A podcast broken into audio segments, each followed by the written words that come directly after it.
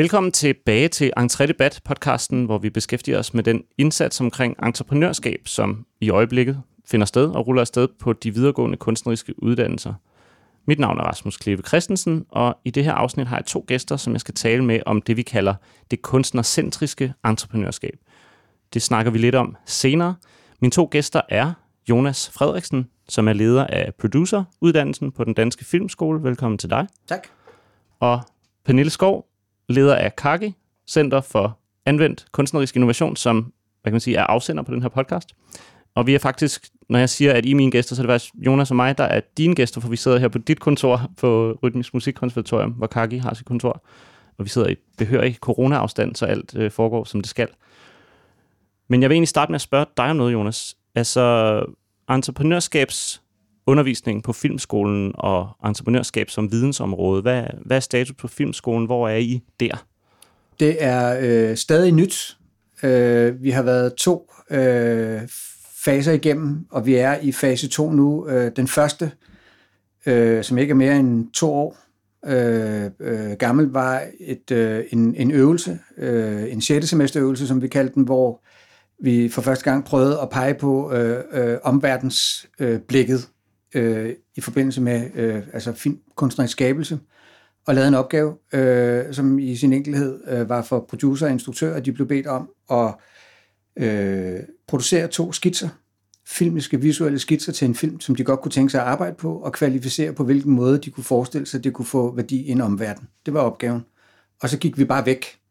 Altså, de fik 30.000 en måned, og en afleveringsdato, og øh, tænkte, vi, vi skal prøve at få en erfaring med, hvordan de forstår det, hvis ikke vi lader det med en masse forudforståelse. Øh, og øh, læringen der, som jo har bragt, som jo har bragt ind i fase 2, øh, var at noget, vi skulle være helt ekstremt opmærksomme på. Det var, hvad for en sproglighed vi anvendte, når vi snakkede om det. Det slog vi os, vil jeg sige, ret hårdt på første gang. Vi snakkede om entreprenørskab og værdiskabelse – da Nette Kohlesen og jeg, vi øh, ligesom introducerede opgaven, og der sad øh, 12 elever med spejlblanke øjne.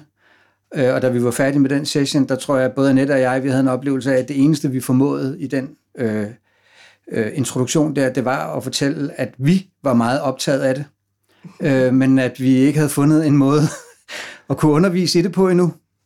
Øh, og så øh, havde vi begge to, tror jeg, sådan en søvnløs nat, og øh, mødtes dagen efter og blev enige om, at vi blev nødt til at gøre det igen. Øh, og så med den regel, at vi må ikke bruge ordet entreprenørskab, og vi må ikke bruge ordet værdiskabelse, øh, og for i virkeligheden, hvilket kunstnercentrisk entreprenørskab måske godt kunne forstå som, at det giver simpelthen ikke mening for dem at forholde sig til det og tænke på det, hvis ikke det vokser frem inden for dem selv. Øh, og det er jo så det, vi prøver nu i fase 2, altså, som øh, er et, øh, hvad skal man sige, noget øh, længere forløb, øh, som vi er i, og som vi har fået støtte til fra øh, Fonden for Entreprenørskab, som dybest set handler om at prøve at få udviklet et øh, sprog- og begrebsapparat for at arbejde med entreprenørskab lige netop på en filmkunstnerisk uddannelse. Spændende. Så det er stadig sådan under øh, udvikling, kan ja, man det sige. Er, ja, det grad. Og de første erfaringer er allerede blevet gjort. Ja. Vi kommer til at vende tilbage til noget af det, du siger mm. her, øh, kan jeg allerede mærke, fordi i dag så skal vi jo tale om kunstnercentrisk entreprenørskab, som sagt, og det kommer vi til at gøre ud fra et oplæg, som blev holdt øh, faktisk her i bygningen øh, i starten af november. Og det var et oplæg af ja, en dimittent herfra, en musiker, der hedder Rasmus Stolberg, som er kendt fra bandet Efterklang, og det var meget øh, ud fra den rolle, at han, at han holdt det her oplæg. Og det gjorde han til en dag, et slags seminar, som vi kaldte Entré Debat Live, kan du måske, inden vi lytter til nogle uddrag øh, fra det her seminar, eller fra det her oplæg af Rasmus Stolberg, kan du så måske, Pernille, lige sætte scenen og fortælle os, hvad det var for en dag, hvad det var for en sammenhæng, det her oplæg øh, indgik i? Ja, selvfølgelig. Øh, det, som Entré Debat Live det handlede om, det var ligesom, øh, hvad kan man sige, øh, en, en synliggørelse af hele det her entré-projekt, som vi jo har gang i, i forhold til alle de her øh, undervisere, der er på de kunstneriske uddannelser, hvor at vi, øh, vi arbejder med at udvikle det her vidensområde, der er entreprenørskab. Det er det, vi også har talt om i, i de tidligere øh, podcast. Og det, som vi ligesom øh, ville med Entré Debat Live, det var at invitere en bredere kreds indenfor, øhm, og også invitere nogle udefrakommende ind, og så ligesom give deres perspektiv på, hvad er det her med at have entreprenørskab på en kunstnerisk uddannelse. Hvad vil det sige? Og vi har taget i øh, Entré-arbejdsgruppen, som er undervisere på tværs af alle de videregående kunstneriske uddannelser, øh, der har vi jo defineret fire områder, som vi gerne vil arbejde med øh, inden for den her periode, og det ene det er kvalitet og relevans, og det andet er kunstnerisk medborgerskab. Og så har vi også de to sidste, hvor den ene er øh, entreprenørskab som kunstnerisk udviklingspraksis, og en, der hedder, øh, øh, hvad hedder det, kunstnerisk bæredygtighed. Og det, vi havde fokus på til Entré Debat Live, det var kvalitet og relevans i konteksten af det kunstneriske medborgerskab. Og der havde vi så inviteret, øh, vi havde ligesom to sessions, en om formiddagen og en om eftermiddagen, hvor vi diskuterede om formiddagen det bevægelige kvalitetsbegreb, og om eftermiddagen øh, kunstnerisk medborgerskab. Og det var her i om eftermiddagen, at Rasmus Stolberg han holdt sit oplæg med afsæt i, som du rigtig sagde, hans, øh, primært hans virke øh, i efterklang. Så det er det, vi skal høre noget af. Skal vi ikke bare høre det første klip øh, fra, den, fra den dag? Hvordan står din kunstneriske virksomhed og det kulturelle entreprenørskab i relation til hinanden? Det er det, jeg er blevet spurgt om, og øh, det er det, der har gjort mig lidt forvirret. Fordi jeg har fundet ud af, at jeg kan jo ikke rigtig skælne øh, på at være kunstner og på at være entreprenør øh, inden for kulturmusik. og. Øh, og det har jeg fundet ud af nu, øh, efter at have tænkt lidt over det, at, at øh, i mit udgangspunkt som kunstner, det har jeg taget med ind i alle de projekter, jeg laver. Og det handler for mig, så handler det om hele tiden at holde fast i, hvad er det, som jeg har lyst til at skabe øh, med mig selv eller med andre. Og så har jeg fundet ud af, at at lave en sang med masser af Kasper i efterklang, den begejstring, jeg har ud af det, den kan jeg faktisk også sagtens få ud af at lave en festival med nogle andre mennesker. Øh, jeg kan få den ud af at lave en film sammen med en dokumentarinstruktør, øh, hvor jeg går ind og, og er producer. Ja, Rasmus Stolberg her, han skældner egentlig ikke rigtig mere, hvornår han er kunstner, og hvornår han er entreprenør eller entreprenant. Må jeg spørge dig, Jonas, på en kunstnerisk uddannelse, som for eksempel Filmskolen, skal man være opmærksom på, at der er et skæld, eller skal man få de ting til at flyde sammen? Hvordan ser du på det her i forhold til, hvordan I også har arbejdet med det i undervisningen hos jer? Jamen altså, jeg oplever øh, mere og mere, hvis man kan tale om det, øh, i den korte tid, vi beskæftiget os med det, øh, at vi skal have det til at, øh, at bløde sammen. Fordi det er også der, at øh, den, hvad skal man sige, øh, sådan praksisnære sproglighed og begrebsliggørelsen, øh, øh, den opstår, oplever jeg. Altså vi er lige i et forløb nu øh, med den lille årgangs, øh, årgangs midtvejsfilm, som jo egentlig er vores fagudviklingsforløb nummer to, hvor, hvor de er casen eller testcasen, øh, og oplever egentlig, at øh, det er øh, lettest for os, når vi sidder i konsultation og taler med dem, hvis vi egentlig venter med at definere eller udpege på hvilken måde de kan beskæftige sig med det blik, til de har fortalt øh, om, hvad det egentlig er, de laver, øh, og hvordan de tænker på det. Fordi ofte så ligger det egentlig indlejret i en måde, øh, øh, altså i svingninger, de er i gang med, eller i præmisser, eller øh, motiver for, hvorfor de beskæftiger sig med det. Og at øh, det mere handler om i de der sessioner for os at være opmærksom på, hvordan øh, altså pege nogle, øh, nogle smittekæder eller øh, altså besmitninger ud for dem, som stammer inden fra dem selv, i højere grad end, som jo egentlig er noget, vi beskæftiger os lige med øh, øh, nu, øh, og prøve at få dem til at skrive hensigtserklæringer omkring det, øh, som jo er, faktisk er øh, noget af det metodeapparat, som vi egentlig har, øh, har udpeget, man kan mærke, at det, øh, som en af dem sagde i går, det er en gul tid, der stadigvæk hænger op på tavlen. De er ikke rigtig gået ombord i den endnu, men når man hører dem tale om deres projekt, så er de i gang. De kan bare ikke øh, forbinde det til, at de skal sætte sig ned og lave en hensigtserklæring om det. Så det er jo igen ind i, ind i sprogligheden, og at man kan mærke, at det virker som om, det er mest ægte for dem, og mest naturligt for dem at beskæftige sig med det, når de kan mærke, at det egentlig øh, er den kunstneriske stemme, vi taler om. Altså deres eget unikke blik på det, de beskæftiger sig med, som er årsagen til at beskæftige sig med altså en, en, en smitning eller en anden måde at forestille sig, at deres kunstneriske stemme den kan udkomme på, end at filmen bliver færdig og bliver øh, øh, vist op på lærredet. Jeg synes, det peger også på det, du sagde øh, lige før, at det kommer også lidt an på, hvad man kalder det, og hvad man beder dem om. Altså, hvis man siger, nu skal du tage dine entreprenante briller på, så ved de måske ikke helt, hvad det er, men hvis de får lov til... Mm, så melder de sig syge. Yes. Hvad hedder det? Pernille, du har haft berøring med, med i dit arbejde med, med studerende fra alle de her kunstneriske uddannelser. Hvad er dit indtryk af, eller din erfaring? Altså skældner de studerende mellem, mellem det der med at være kunstnerisk skabende, og så være entreprenante eller entreprenørielle i deres øh, ja, øh, virke, kan man sige? Altså, ja, det er meget forskelligt, og jeg synes, jeg kan meget tydeligt se, om det er nogle studerende, der har været udsat for entreprenørskab på deres skole. Eller altså for undervisning i det? For undervisning i det, og det at tale om det og gøre det, og have, ligesom, have en samtale om penge, have en samtale om virksomheder, have en samtale om uh, udgivelsesformater, have en, uh, en samtale om, hvordan man tager sit arbejde på sig, og ikke bare giver det videre, sådan som du også lige beskrev, mm. Jonas. Mm. Ikke? Øh, og hvis de har været udsat for entreprenørskab øh, på et eller andet tidspunkt, hvor der er nogen, der har sagt det eksplicit, det her det er entreprenørskab, det handler om det her, så kan, har de en meget bedre forståelse for, hvordan mm. de kan anvende det i deres kunstneriske praksis. Øhm, og så, for, så forstår de også det her med, at en, en kunstnerisk virksomhed består af det kunstneriske og det entreprenante. For det er meget få, der bare kan tillade sig at være kunstnere, og så, mm. så kommer virksomheden dumpende ned til dem. Det kender jeg ikke rigtig så mange, der har prøvet faktisk. øhm, så, så det der med, at de ligesom har, har en forståelse for, at de skal tænke det hele billede, og det er meget spændende for deres kunstneriske praksis at tænke det hele billede også, fordi de får faktisk de får åbnet nogle døre og set under nogle sten og mødt nogle mennesker, som, som kan være til gavn for deres kunstneriske praksis, når de åbner op for det entreprenante også.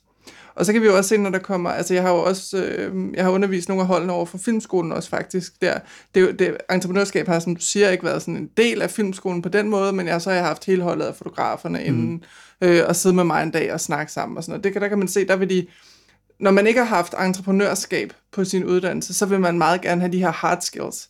Man vil gerne vide alt muligt om uh, skat og moms mm. og kunstnermoms mm. og lidt om kontrakter. De fleste, de ved godt lidt om kontrakter for deres uddannelser. Øhm, men sådan det der hardcore. Og så er det jo, at jeg siger til dem, jamen det, kan jeg, altså, det kommer an på, hvad laver du?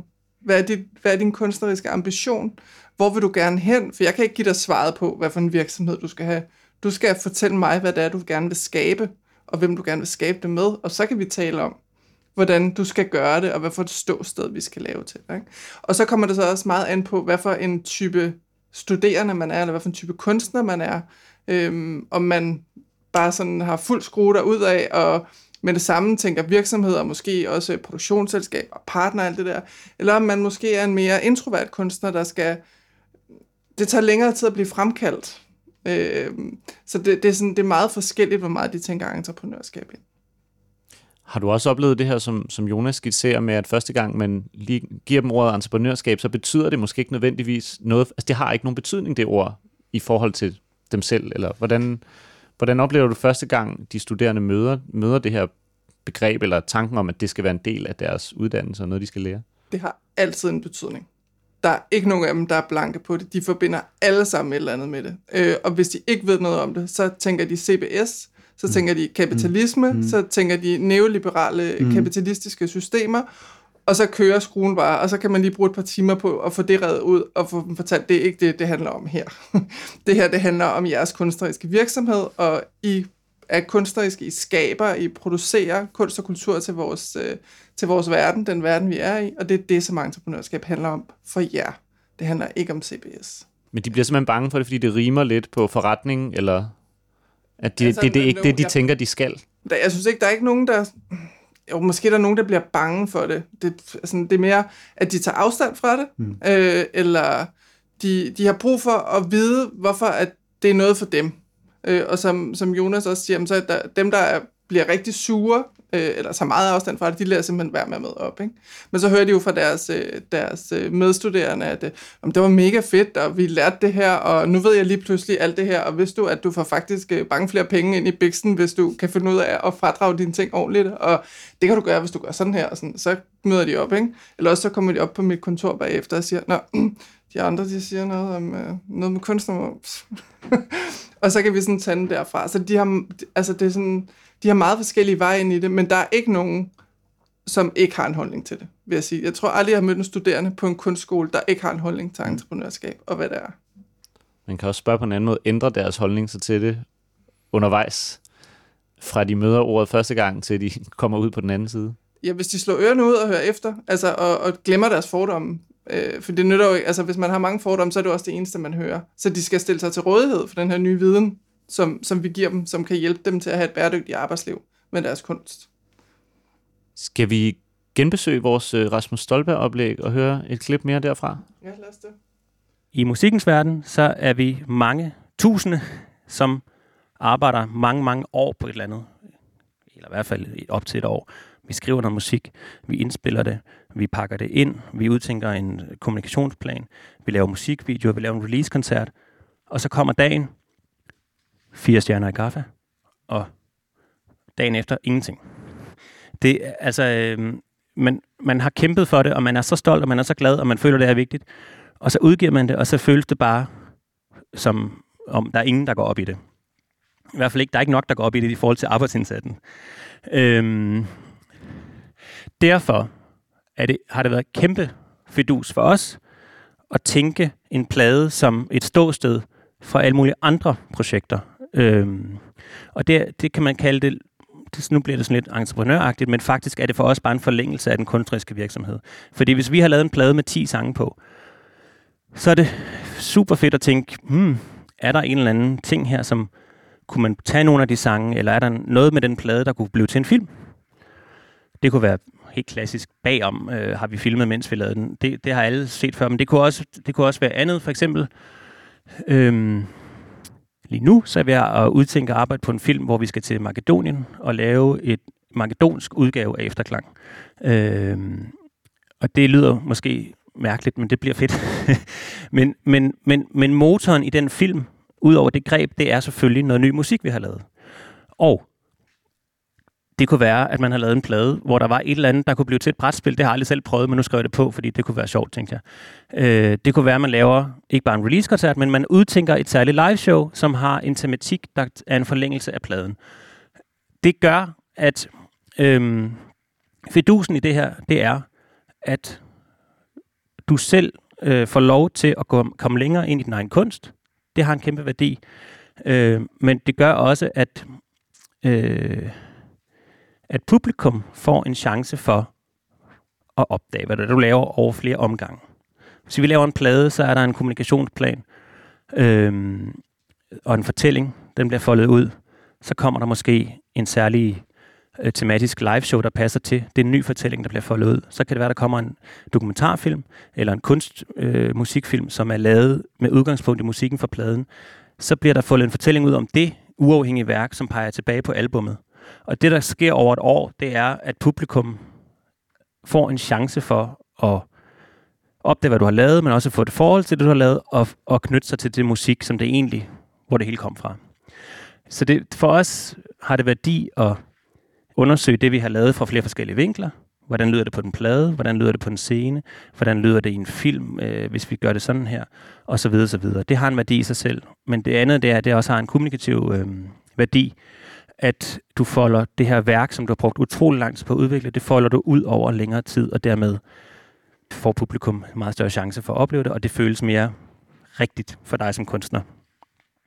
Jonas, nu taler Rasmus Stolberg i oplægget her, der taler han jo ud fra sin sin verden, musikkens verden, kan man sige. Men taler om det her med, at når, når pladen er på gaden, når, når slutproduktet er ude, så kan man godt føle, at, at det er overstået, at processen er slut, og man skal måske starte forfra, eller der bliver et tomrum. Hvis du skal prøve at kigge over i filmens verden og, og, og de studerende, der er på, på din uddannelse, altså kan man godt tænke, ligesom der bliver snakket om her, kan man godt tænke en film også som ikke et slutprodukt, men et afsæt for en hel masse andre ting. Altså at, at udgivelsesformatet bliver mere øh, en proces end et, end et slutprodukt. Øh, absolut. Altså, det er der jo et, øh, et ret tydeligt eksempel på, altså fra øh, den seneste årgang, der gik ud, hvor en tidligere øh, elevs øh, sygdomsforløb blev afsættet til en afgangsfilm. Øh, og det første, de øh, nogensinde nævnte øh, ved en fremlæggelse, det var faktisk et ønske om at skabe en bevægelse de kaldte den øh, Club de Fromage. Jeg kan ikke huske hvorfor. Men øh, den handlede... Øh, øh, altså, der var en nødvendighed, der både før historien, der skulle hjælpe nødvendigheden frem, blev skabt, som handlede om at skabe opmærksomhed omkring psykisk sårbarhed. Og allerede på treatmentplan havde de taget kontakt til sådan en paraplyorganisation, der hed SEND, tror jeg.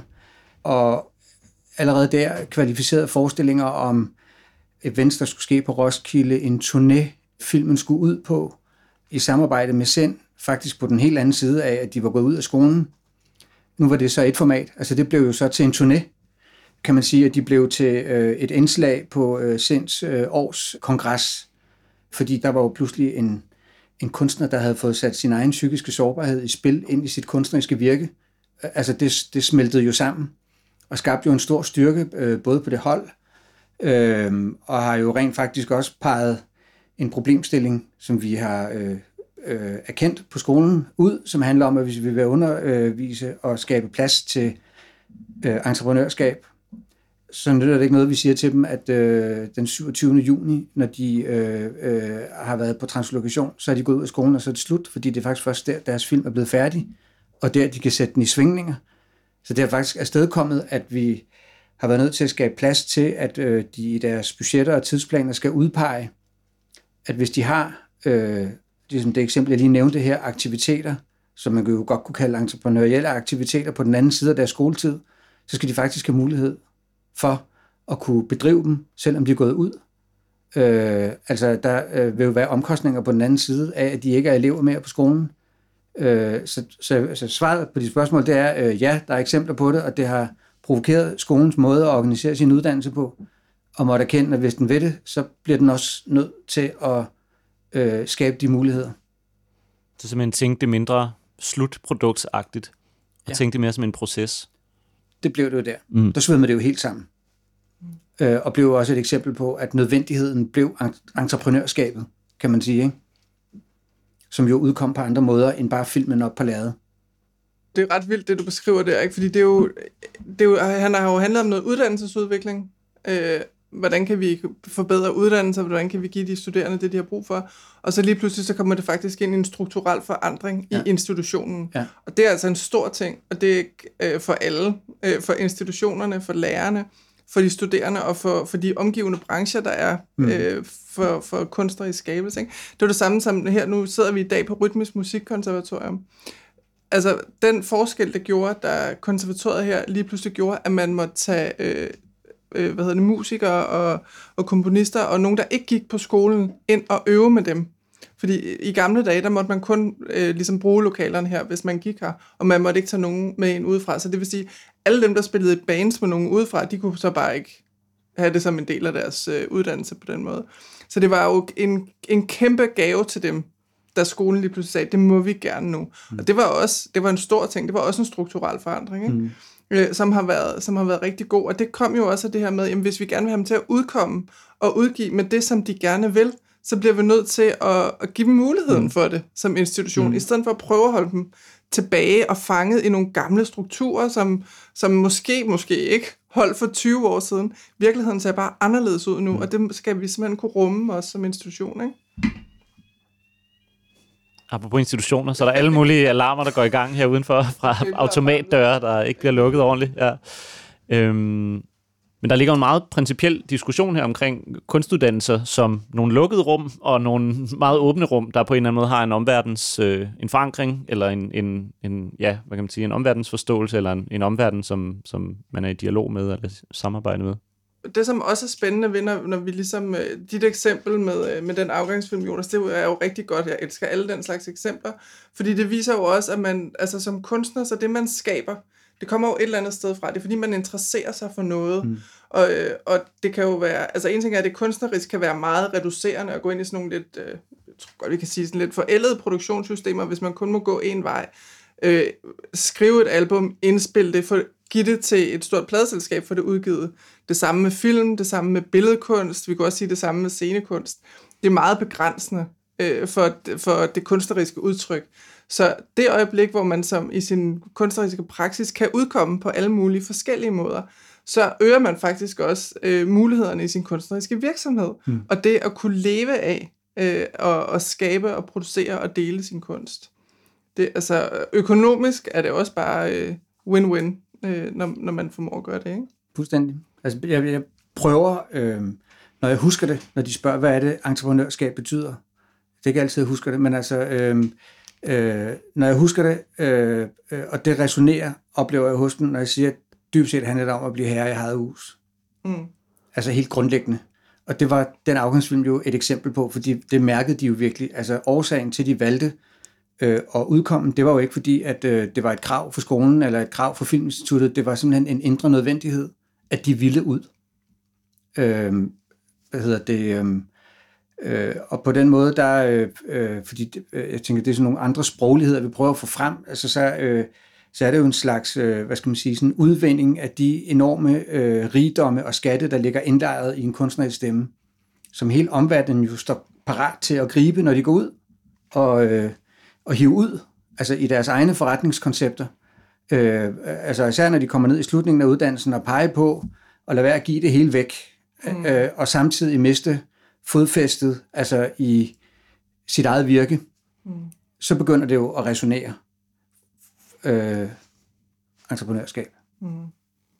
Og så er det, det er også noget med det der med at have magt over sit eget liv, ikke? Fuldstændig. Altså, øh, ja.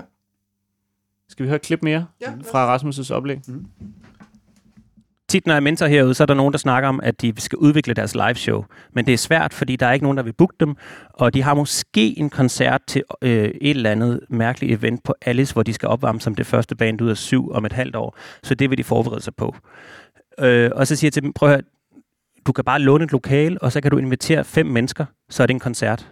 Og dem kan du lave hver uge, indtil du bliver mega god. Sådan at når du står på Alice om syv måneder, at alle bliver fuldstændig blæst om kul. Og det er det her med, at man ikke altid behøver at vente på, at man bliver inviteret til det, øh, eller at man det, man skal gøre, skal passes ind i, i noget, der eksisterer. Du kan lave de ting selv. Ja, det er også lidt du, det, du sagde før, Jonas, med at være herre i eget hus. Altså ligesom sige, sådan, i stedet for at sætte mig ned og vente på, at nogen kommer og banker på, så, øh, så er det mig, der sætter dagsordenen her for, hvordan, hvordan jeg udkommer, hvordan jeg kommer ud med min kunst. Det er det øh, fuldstændig. Og det, øh, det, har jo, det er jo en strukturel ændring, som jo både øh, bor i, hvad skal man sige, i øh, øh, filmskolen som institution, men den, øh, altså, det er måske også et større paradigmeskifte, som, som egentlig også ligger øh, øh, sådan aktuelt fremme i, i filmbranchen. Øh, øh, fordi i forhold til skolen, der er vi jo gået fra, at det egentlig var skolen, der så, at det var deres ansvar, at afgangsfilmene skulle udgives. Så der, lå, der ligger jo øh, en, der ligger en aftale med Danmarks Radio, som er blevet fornyet og fornyet og fornyet helt tilbage fra, da jeg gik på skolen for 20 år siden. Og det er egentlig først nu, hjulpet frem med indtoget af entreprenørskabsundervisning, at vi har fået flyttet udgivelsesansvaret ned til eleverne som en del af deres uddannelse. Øh, og det har jo selvfølgelig så øh, nu gjort, at øh, for første gang, så har vi lige nu ikke en aftale med Danmarks Radio. Det er hvad vi skal have det, men så bliver der en ny grund, fordi øh, eleverne i deres arbejde med, hvordan deres afgangsfilm skal udgives, synes, at det er den bedste idé ud fra den måde, de ønsker at udkomme på. Slut. Jeg har måske også lige en sidste bemærkning, så ikke helt slut. Fordi jeg synes, at lige at, at binde en sløjfe omkring det her, hvorfor, hvorfor, øh, hvorfor vi har valgt at sige, at det her det skal handle om kunstnercentrisk entreprenørskab. Det er netop det her, lige husk at få det tilbage til, at det nytter ikke noget, at man kun er entreprenant. Øh, altså det, det, som det handler om for os på de kunstneriske uddannelser, og også ude i de kunstneriske miljøer, det er jo, at det har afsæt i det kunstnercentriske. Altså der er nogen, der har noget på hjerte. Mm. Der er nogen, der vil noget med nogen mm. på en eller anden måde. Mm. Og det er det, der må være afsættet for alt. Og det er jo det, som vi kan vi skal styrke, vi skal forløse, vi skal fremkalde, vi skal arbejde med. Det er det, der gør det hele, øh, det hele værd, kan man sige. Ikke? Det er det kunstnercentriske og kunstneren, der er bag alt det her. Slut. Måske jeg kan få det sidste ord alligevel. Nej, men jeg synes, øh, det handler jo også bare i bund og grund meget om det her med, så, så er vi helt tilbage til der, hvor Jonas startede, at det ligger, det ligger hos kunstnerne. Det, er, det entreprenante ligger hos dem. Man skal bare på en eller anden måde have det frem. Og hvis man starter med at sige, nu skal I tage jeres entreprenante hat på, så kan det godt være, at de reagerer på en, en, en bestemt måde, og det, det måske ikke var en frem, som I er ved at finde ud af, siger du, mm. over på filmskolen. Men altså, hvis man i undervisningen kan hjælpe dem med at finde det frem i sig selv, og det er vel også det, der ligger i det kunstnercentriske, det er det, du siger, Pernille, at, at det er der allerede. Man skal på en eller anden måde bare have det sat i spil. Og det kommer den her podcast også til at handle meget mere om i de kommende afsnit. Og vi kommer til i næste afsnit at genbesøge øh, seminaret med et af de andre oplæg, der var til Entré Debat Live. Men tusind tak til Jonas og Pernille, fordi I vil være gæster her i podcasten, eller tak fordi vi måtte komme på besøg på dit kontor, Pernille. Selv tak. Øhm, og øh, man kan jo passende gå ind på kaki.dk, hvor man kan læse meget mere om hele den her entré indsats, og udover podcasten er der også en masse anden viden præsenteret derinde, i blandt andet sådan en wiki, hvor man kan søge lidt i ja, entreprenørskab som et vidensområde, kan man sige, i, i undervisningssammenhæng. Så tusind tak, fordi I var her, og tusind tak, kære lytter, fordi du lyttede med. Podcasten her er produceret af Kaki, Center for Anvendt Kunstnerisk Innovation, med en lille smule hjælp fra mig. Jeg hedder Rasmus Kleve Christensen. Vi høres ved.